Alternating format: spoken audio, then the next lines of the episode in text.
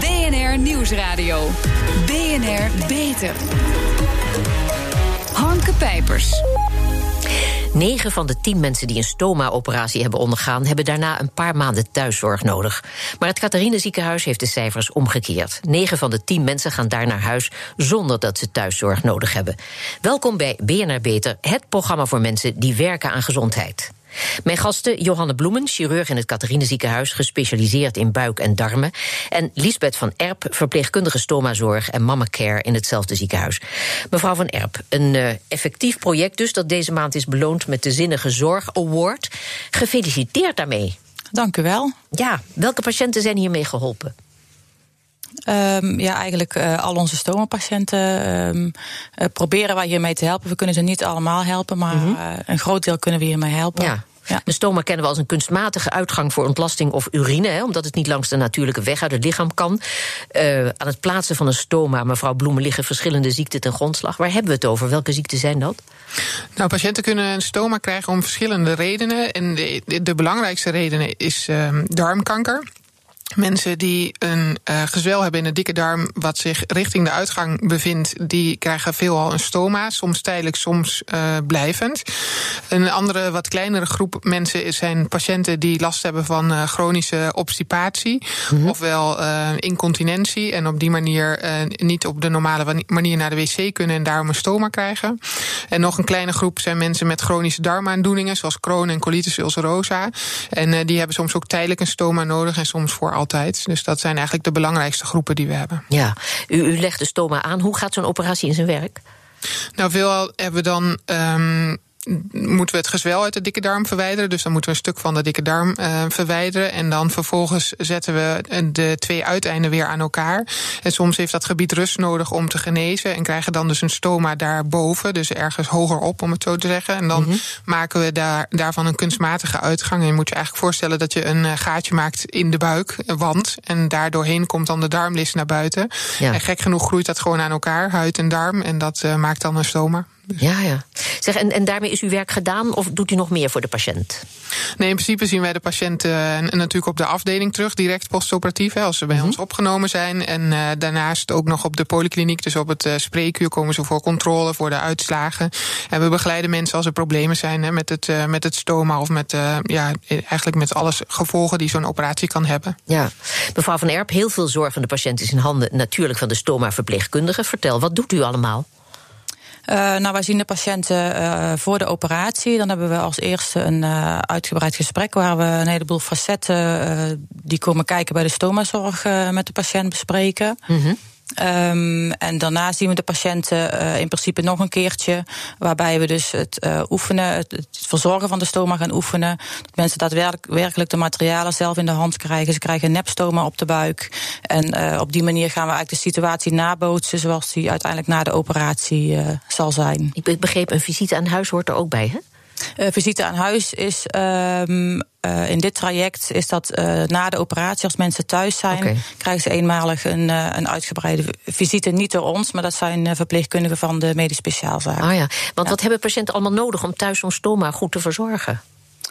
Uh, ja, als eerste natuurlijk de stoma-materialen, stoma-zakjes. Ja, um, plakkers, van alles ja. komt eraan te pas. Het is ja. een heel geknutsel. Je hebt uh, plakkers uh, ja. los, je hebt plakkers vast aan de zakjes. er zijn allerlei poedertjes, crèmpjes, pasta's te krijgen.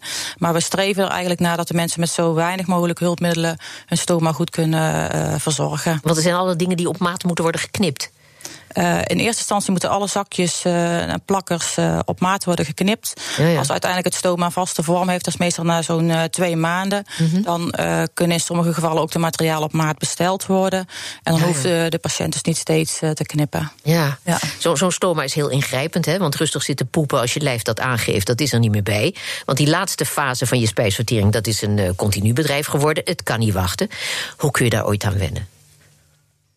Um ja, toch door, um, door ermee om te gaan met het stoma. Dus door, door het wel. zelf te leren verzorgen en door het aan te gaan. Want ja, je moet wel, je hebt geen keus.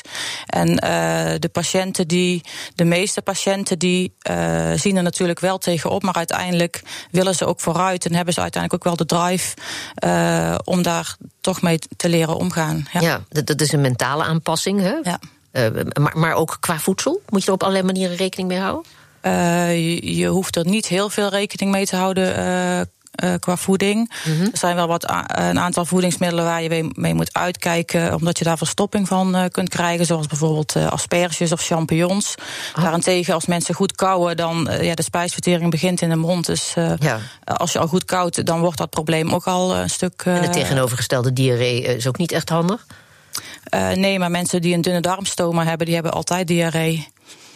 En dat wordt dus ook in dat zakje uh, opgevangen. En die moeten dus wel letten op hun vochthuishouding. Soms moeten ze extra zouten tot zich nemen om, uh, om dat goed op peil te houden. Omdat ze dat verliezen met de dunne darmstoma. Ja, de, dikke darm die zorgt er eigenlijk voor dat de voedselbrei wordt ingedikt. en dan blijft er nog maar zo'n 200, 300 cc over aan het uh, einde van, het, van de rit. Ja. En um, als je een dunne darmstoma hebt, heb je soms zelfs tot uh, 5, 6, 700 cc per dag aan productie. Dus dat, is, een, dat is heel veel meer. Ja.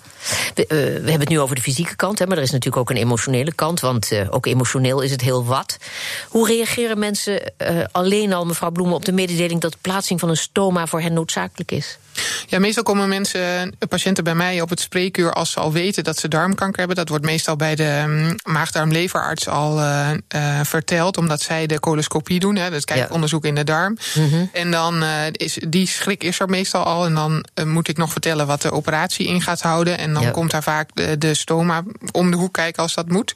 En natuurlijk, de meeste mensen die zitten daar zeker niet op te wachten dat er een stoma moet komen. Maar gelukkig zijn ook wel de meeste mensen.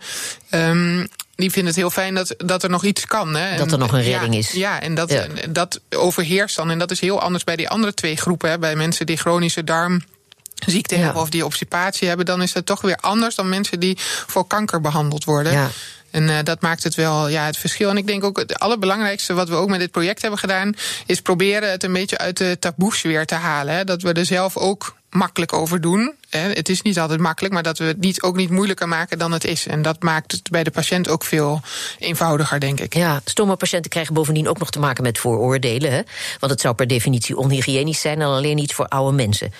Dat klopt niet, maar uh, nee, dat klopt zeker uh, niet. Ja, ik denk dat mensen vooral erg bang zijn uh, als ze een stoma krijgen, dat ze daardoor bijvoorbeeld niet meer de deur uit kunnen, dat ze bepaalde hobby's of werkzaamheden niet meer uit kunnen voeren. ze zijn ook al bang dat andere mensen hen ruiken. Um, maar doordat er gewoon goede um, ja, hulpmiddelen, stomamaterialen zijn, kunnen we dat over het algemeen gewoon heel goed, heel goed reguleren. Ja. ja. Een jaar geleden had 90% van uw patiënten nog thuiszorg nodig. Uh, patiënten, stoma-patiënten liepen uh, tegen allerlei problemen aan, omdat ze veel zelf moesten gaan doen. Uh, en uit onderzoek blijkt dat de kwaliteit van leven, met de nieuwe aanpak zoals die er nu is, de, de kwaliteit van leven verbetert. Patiënten liggen korter in het ziekenhuis. Thuisgekomen hebben ze een hogere zelfredzaamheid. Ze zijn niet afhankelijk van een thuiszorgverpleegkundige die elke dag langskomt om de stoma te verzorgen. Bovendien hebben ze minder lekkages en andere stoma-problemen. Dat is allemaal verleden tijd? allemaal verleden tijd, dat zou heel mooi zijn als dat zo zou zijn. Ja. Maar we zijn, een heel, uh, ja, we zijn heel goed op weg, denk ik, om dat uh, te voorkomen. En die uh, zelfredzaamheid, daar is het uh, project ooit mee begonnen met dat idee dat mensen dat toch zelf zouden moeten kunnen. Vooral als mensen voor altijd een stoma krijgen, dan zou het handig zijn als je dat zelf ook kan. Want dat geeft heel veel zelfstandigheid. Je hoeft niet te wachten thuis uh, tot de thuiszorgverpleegkundige komt om je, om je te helpen. Dus dat, dat is een heel groot voordeel. En wat we als bijkomstigheid zagen, is dat omdat mensen precies wisten hoe ze hun eigen stoma het beste kunnen verzorgen, mm -hmm. um, ontstaan er minder complicaties als lekkage. En ook daardoor worden de huid problemen weer minder groot. En krijgen mensen dus minder klachten op langere termijn. Dus dat, wat dat betreft, dat was eigenlijk een gunstige bijvangst van het geheel. Ja. Met het project Care for Stoma, waar jullie afdeling Stomazorg dus een award voor heeft gekregen, is thuiszorg voor de meeste patiënten niet meer nodig. Van 90% naar 10% in een jaar tijd. Nou, ik ben heel benieuwd hoe jullie dat voor elkaar hebben gekregen. Praten we zo over verder stoma-patiënten zoveel zelfvertrouwen geven dat ze zich na de operatie zonder thuiszorg en zonder doodongelukkig te zijn kunnen redden? Hoe krijg je dat voor elkaar? BNR Nieuwsradio. BNR Beter. Van 90% afhankelijkheid van thuiszorg naar 10%. En dat hebben mijn gasten in een jaar tijd bereikt met het project Care for Stoma. Ik praat verder met chirurg Johanne Bloemen en stoma-verpleegkundige Lisbeth van Erp. Ja, mevrouw Bloemen, hoe heeft u dat voor elkaar gekregen? Ja, dat is, dat is met name een mindset um, gebeuren geweest op de mm -hmm. afdeling, zoal en ook bij ons, bij de specialisten, maar ook bij de stomazorgverpleegkundigen. Dat is eigenlijk de patiënt al vanaf het moment dat we vertellen dat ze een stoma krijgen, ook al vertellen dat ze dat vanzelf aangeleerd krijgen om dat te verzorgen en dat, dat thuiszorg daar eigenlijk niet voor nodig is. En zo zijn we stapje voor stapje begonnen om dat te implementeren bij iedereen. En uh, doordat het heel goed werkte, was het een hele grote motivator voor iedereen om daarmee door te gaan. Ja, mevrouw Van Erp, uh, mensen, patiënten moeten heel veel leren voordat ze naar huis kunnen. En ik begrijp dat een belangrijk deel van de voorbereiding al begint voor de operatie. Mevrouw Bloemen, waar bestaat die voorbereiding uit? Nou, die voorbereiding bestaat eruit dat ze bij de stoma-verpleegkundige twee keer op bezoek gaan. Eén keer voor wat algemene informatie. En de tweede keer is echt droog oefenen zonder dat je nog een stoma hebt. Ja. Maar de mensen zijn dan beter in staat om van, alles, van alle nieuwe um, dingen die ze leren, dat beter op te nemen dan dat je daar dag één na de operatie mee begint. Um, en op het moment dat ze dus het stoma hebben, dan gaan ze wel op dag 1 al aan de slag. Maar dat is dus met informatie die ze al voor die tijd hebben gekregen. En daardoor blijft dat veel beter hangen en kunnen ze het veel beter in praktijk brengen vanaf dag 1. Ja, maar is het nu zo dat jullie de patiënten dan langer in het ziekenhuis houden totdat je zeker weet dat alles goed gaat? Nou, dat, het leidt eigenlijk niet tot een langere opnameduur, mm -hmm. genoeg. En dat komt denk ik omdat we ze zo intensief oefenen voor die tijd. En uh, de mensen kunnen eigenlijk even snel naar huis als, als daarvoor. En het grootste verschil dat we zagen is dat mensen uh, in het begin op dag 7 ongeveer begonnen met oefenen. Dag 6, dag 7. En uh, dat we dat nu naar dag 1 hebben en, ja, teruggebracht. Dat maakt dat mensen ook weer sneller het zelf kunnen en sneller naar huis kunnen. Ja. Mevrouw Van Erpen, ook de familie wordt erbij betrokken. Hè? Hoe gebeurt dat? Uh, ja, meestal komt de familie, uh, partner of familie al mee bij het eerste uh, informatiegesprek. Mm -hmm. En zij worden tevens gevraagd om mee te komen bij het droge oefenen. En als patiënten zijn geopereerd en op de verpleegafdeling liggen, dan wordt de familie ook uitgenodigd om een keer aanwezig te zijn bij het verzorgen van de stoma, zodat ze het stoma ook echt een keer in het echt hebben gezien. En um, ja, waar nodig ook zelf een keer kunnen proberen om het stoma te verzorgen. Zodat ja. ze partner of familie ook altijd kunnen ondersteunen als dat nodig is. Zeg, en wat is de rol van de zorgverzekeraars? Waren die van het begin af aan overtuigd? Um, toen wij met het project startten, uh, zijn de zorgverzekeraars uh, niet betrokken geweest. Uh, onze insteek was eigenlijk om de patiënt gewoon zelfredzamer en zelfstandiger te maken. En toen we in het ziekenhuis zagen dat het gewoon heel erg goed ging, toen is er door het ziekenhuis is het project aangemeld bij, bij VGZ. En zo is VGZ eigenlijk, ja, zijn we bij de VGZ Zinnige Zorg Award uitgekomen. Ja. Mevrouw Bloemen, u zegt dat het resultaat ook een gevolg is van een omslag in denken, hè, zowel bij patiënt als zorgverleners. Wat mag ik me daarbij voorstellen? Nou, bij de patiënt is het dus belangrijk dat we een beetje het taboe van het stoma weghalen al vanaf moment één dat ze weten dat ze een stoma krijgen. Ja. En op de afdeling is, eh, is, is de mindset veranderd in dat mensen dat echt wel kunnen vanaf dag één. En dat was voorheen niet zo. Dat mensen dus echt heel lang um, ja, verpleegd werden en verzorgd werden. En dat is ook wel een beetje de huidige tijd. Dat we steeds meer proberen de mensen dat zelf aan te leren. En zelfstandig te zijn. En dat, dat is het grote verschil in um, denken ook bij de verpleegkundigen geweest. Want dat was ook nog best wel lastig in het begin. Ja, even wat aanbevelingen van de jury die de Zinnige Zorg Award toekende. Ik citeer. Het initiatief klopt van het begin tot het eind. Het belang van de patiënt staat duidelijk voor op als je het voor elkaar krijgt om vier maanden thuiszorg te besparen. Ja, mevrouw Van Erp, vier maanden thuiszorg besparen, dat scheelt flink wat in de kosten, hè? Uh, ja, dat uh, scheelt ongeveer 2200 euro per patiënt. Ja. ja, dat is behoorlijk. En dat droeg behoorlijk bij natuurlijk. Maar uh, wordt dat bedrag ook niet uitgegeven aan alle extra zorg die de patiënt voor de operatie krijgt?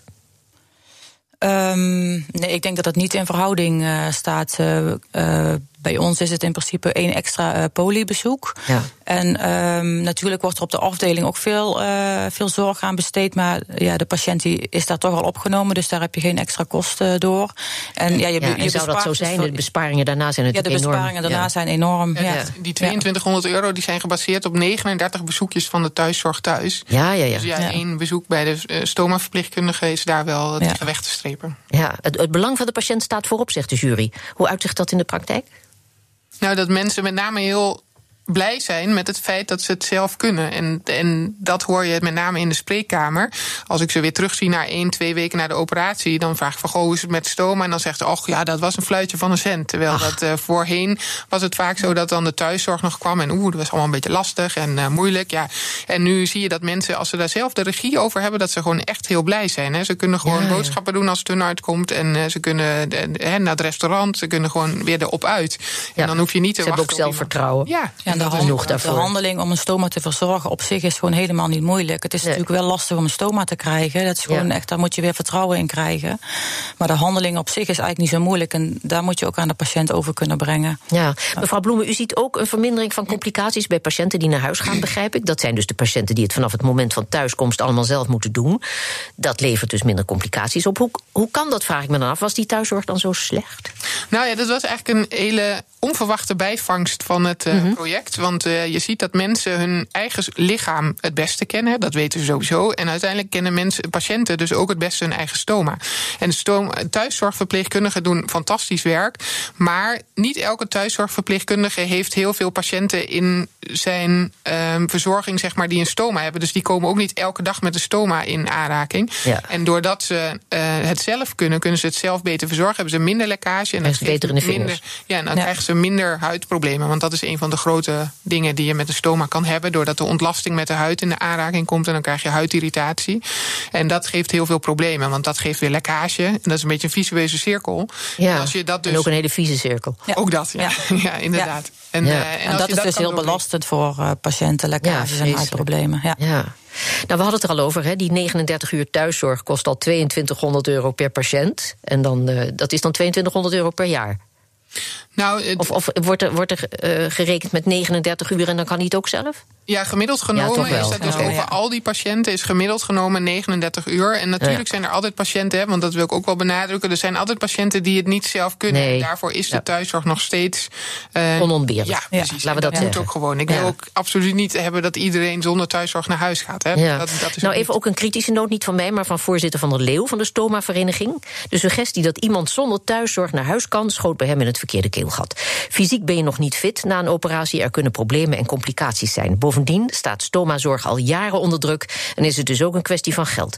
Ja, wat vindt u van die kritiek, kritiek mevrouw Bloemen? Ja, ik begrijp, ik begrijp dat wel, die Mhm. kritiek. En het gaat er met name om dat, dat de patiënten die een hele zware operatie ondergaan, hè, de- daar willen we absoluut de thuiszorg niet voor afpakken. Hè. Dus dat, dat is ook absoluut niet het idee van, eh, eh, van dit project. Eh, het gaat erom dat patiënten dat op dit deel zelf kunnen. En als zij thuiszorg nodig hebben voor wondzorg of voor eh, helpen met douchen en aankleden en zo, dan is dat gewoon wel beschikbaar. Hè? Dus dan gaat het niet over het stoma, maar dan gaat het over de rest. Ja. En als mensen zo'n zware operatie hebben gehad en ze hebben dat nodig thuis, dan blijft dat onverminderd van kracht. Ja. In het Catharine ziekenhuis krijgen jaarlijks meer dan 250 mensen een stoma. Landelijk zijn het er 7300. Volgens cijfers van de zorgverzekeraar VGZ kan jullie aanpakken besparing opleveren van 12,8 miljoen euro. Dat is een enorm bedrag. De kosten gaan voor de baten uit, maar het nut van deze investering heeft zich in dit geval in heel korte tijd bewezen. En dat is mooi, want dat willen we in de zorg. Maar mevrouw Bloemen, hoe staat het over het algemeen met het niveau van stomazorg in Nederland? Is er genoeg kennis? Zijn er genoeg gespecialiseerde medici? Nou, ik denk dat eh, als je het wereldwijd bekijkt, hè, dat we in Nederland echt wel voorop lopen met stomazorg en met, eh, met de stoma-hulpmiddelen die we hebben, want dat is heel erg belangrijk. En, eh, dus wat dat betreft is de kennis en de kunde heel goed. En ik denk dat het soms op sommige vlakken bij de thuiszorg bijvoorbeeld, dat we daar nog wel wat actiever zouden kunnen scholen om dat valt wat nog wel beter iets te maken. verbeteren, Ja, ja, en dat is natuurlijk overal waar je werkt. Dat is, ja, en dat zien we. Ehm, dus daar zou je nog wat kunnen verbeteren, denk ik. Ja, mevrouw Van Erp, aan de Zinnige Zorg Award is een geldbedrag van 10.000 euro verbonden. Veel is dat niet. Eh, Hoor mij dat zeggen. Ik neem aan dat u daar wel al een bestemming voor heeft. Um, ja, we, we zijn in het ziekenhuis bezig uh, met het uh, ontwikkelen van een uh, stomazorg-app. een hulpmiddel voor patiënten om allerlei informatie over stomazorg op te kunnen zoeken. En het idee is nu om daar um, het geld mede aan te besteden. Ja, Fantastisch. om dat verder te ontwikkelen. Ja. Alle ziekenhuizen hebben belang bij goede zorg en bezuinigingen. Uw voorbeeld uh, verdient navolging. Gebeurt dat al op grote schaal? Nou, de, het gebeurt al wel dat mensen, eh, of dat in ziekenhuizen stomazorg wordt, uh, uh, wordt gedaan en thuiszorg. Maar met zo'n groot percentage als dat wij nu hebben gehaald, dat, dat is wel redelijk nieuw. Ja, zeg, en, en voor de patiënt hè, die na de vreselijke mededeling dat hij een stoma nodig heeft op zoek gaat en wil weten in welk ziekenhuis volgens de normen van dit project Care for Stoma wordt gewerkt, waar kan die patiënt informatie vinden? Ja, binnenkort dus op die stoma-app. Hè? Mm -hmm. Maar um, um, zolang die, wanneer zal die stoma-app er zijn? Wanneer is die in de lucht? Ja, we proberen aan het eind van het jaar uh, een pilot uh, klaar te hebben. Ah ja. ja. En verder kan die informatie vinden waar? In die tussentijd? Ja, de, de VGZ, de zorgverzekeraar, die uh, doet al deze projecten, die noemen dat Good Clinical Practices. En ja. uh, dat wordt gedeeld met andere zorgverzekeraars. En uh, uiteraard is altijd op de websites van de ziekenhuizen heel veel terug te vinden over Ja, maar die hebben ook allemaal eigen belang. En dat, de verzekeraar ook. Ja, maar in dit geval moet je toch bij VGZ zijn, begrijp ik. Nou ja, bij, ja daar kan je wat informatie vinden. Het is behelpen tot het eind van het jaar, dan hebben we die app, hè? Ja. ja. ja. Oké, okay, hartelijk dank. Johanne Bloemen en Lisbeth van Erp. Pioniers in de zorg. Onze zorgredactie speurt naar interessante medische innovaties binnen en buiten de muren van de universiteit. Waar werken ze aan? Wat moeten wij hierover weten? Rebecca van Dam, je hebt het over botbreuken waarvoor je niet naar het ziekenhuis hoeft. Ja, zo ongeveer. Het is dat iets genuanceerd niet hoor. Nou, kijk, je moet bij een botbreuk natuurlijk, of als je het vermoedt, moet je naar het ziekenhuis voor een röntgenfoto en uiteindelijk vaak ook voor in de gips. En nu is het nog zo dat als je een botbreuk hebt, dat je standaard na een paar weken terug moet komen voor controle. Nou, volgens het OLVG is dat echt niet altijd nodig, omdat bepaalde letsels in principe altijd goed genezen. Ja, en, en om wat voor botbreuken gaat het dan? Dan gaat het om breuken van de vinger, van de teen, de enkel of de onderarm. En deze genezen meestal goed zonder complicaties. Oh ja, maar ik neem aan dat er niet van de patiënt wordt gevraagd om zelf het gips te verwijderen. Nee, dat zou niet slim zijn, inderdaad. Deze patiënten die krijgen ook als de breuk is geconstateerd geen gips meer, maar een mm -hmm. brace of drukverband. En die kunnen ze uiteindelijk dan zelf ook makkelijk verwijderen. Het OVG heeft daarvoor een app waar, waarop de patiënt dan instructies krijgt en informatie kan vinden, ook over de breuk zelf. En stel nu dat ze vragen hebben en er niet uitkomen, dan kunnen ze altijd nog een telefoonnummer bellen, de breuklijn. Oh ja, de breuklijn. Maar via de app hè, kun je niet zien of een bot goed heelt. Is het wel verantwoord? Nou, dat vroeg ik me inderdaad ook af. En daarom heb ik de betrokken traumachirurg Robert Haverlag gesproken. Okay. Het mooie is dat je de patiënt een ziekenhuisbezoek bespaart. Het moet natuurlijk verantwoord zijn. Dat is het dus al. En de patiënt is er zeer tevreden over in Engeland. Wij moeten dat natuurlijk allemaal nog onderzoeken. We zijn pas uh, een maand bezig. 120 patiënten hebben we nu gezien in vier weken die uh, in aanmerking zijn gekomen voor deze, voor deze zeg maar, stroomdiagram. En tot nu toe gaat het allemaal hartstikke goed. En over een jaar weten we veel meer. Het zit in Nederland dus nog in de testfase, maar in Engeland wordt het dus al heel lang op grote schaal toegepast en er ieders tevredenheid. Het scheelt in tijd voor zowel de patiënt als de arts en bovendien scheelt het ook nog eens een keer in de kosten en dat is ook niet onbelangrijk. Ja, je, je kunt maar beter gewoon helemaal niks breken, pas maar op. Maar als je het dan toch overkomt, is dit inderdaad wel heel handig. Ja, dankjewel, Rebecca van Dam. En tot zover deze uitzending van BNR Beter. Op bnr.nl slash beter is deze uitzending terug te luisteren of on demand via de BNR-app Of iTunes. We zijn ook op Twitter te vinden onder @bnrbeter. Heeft u tips voor ons? Laat het ons weten. Ik ben Harmke Pijpers. Graag tot een volgend spreekuur.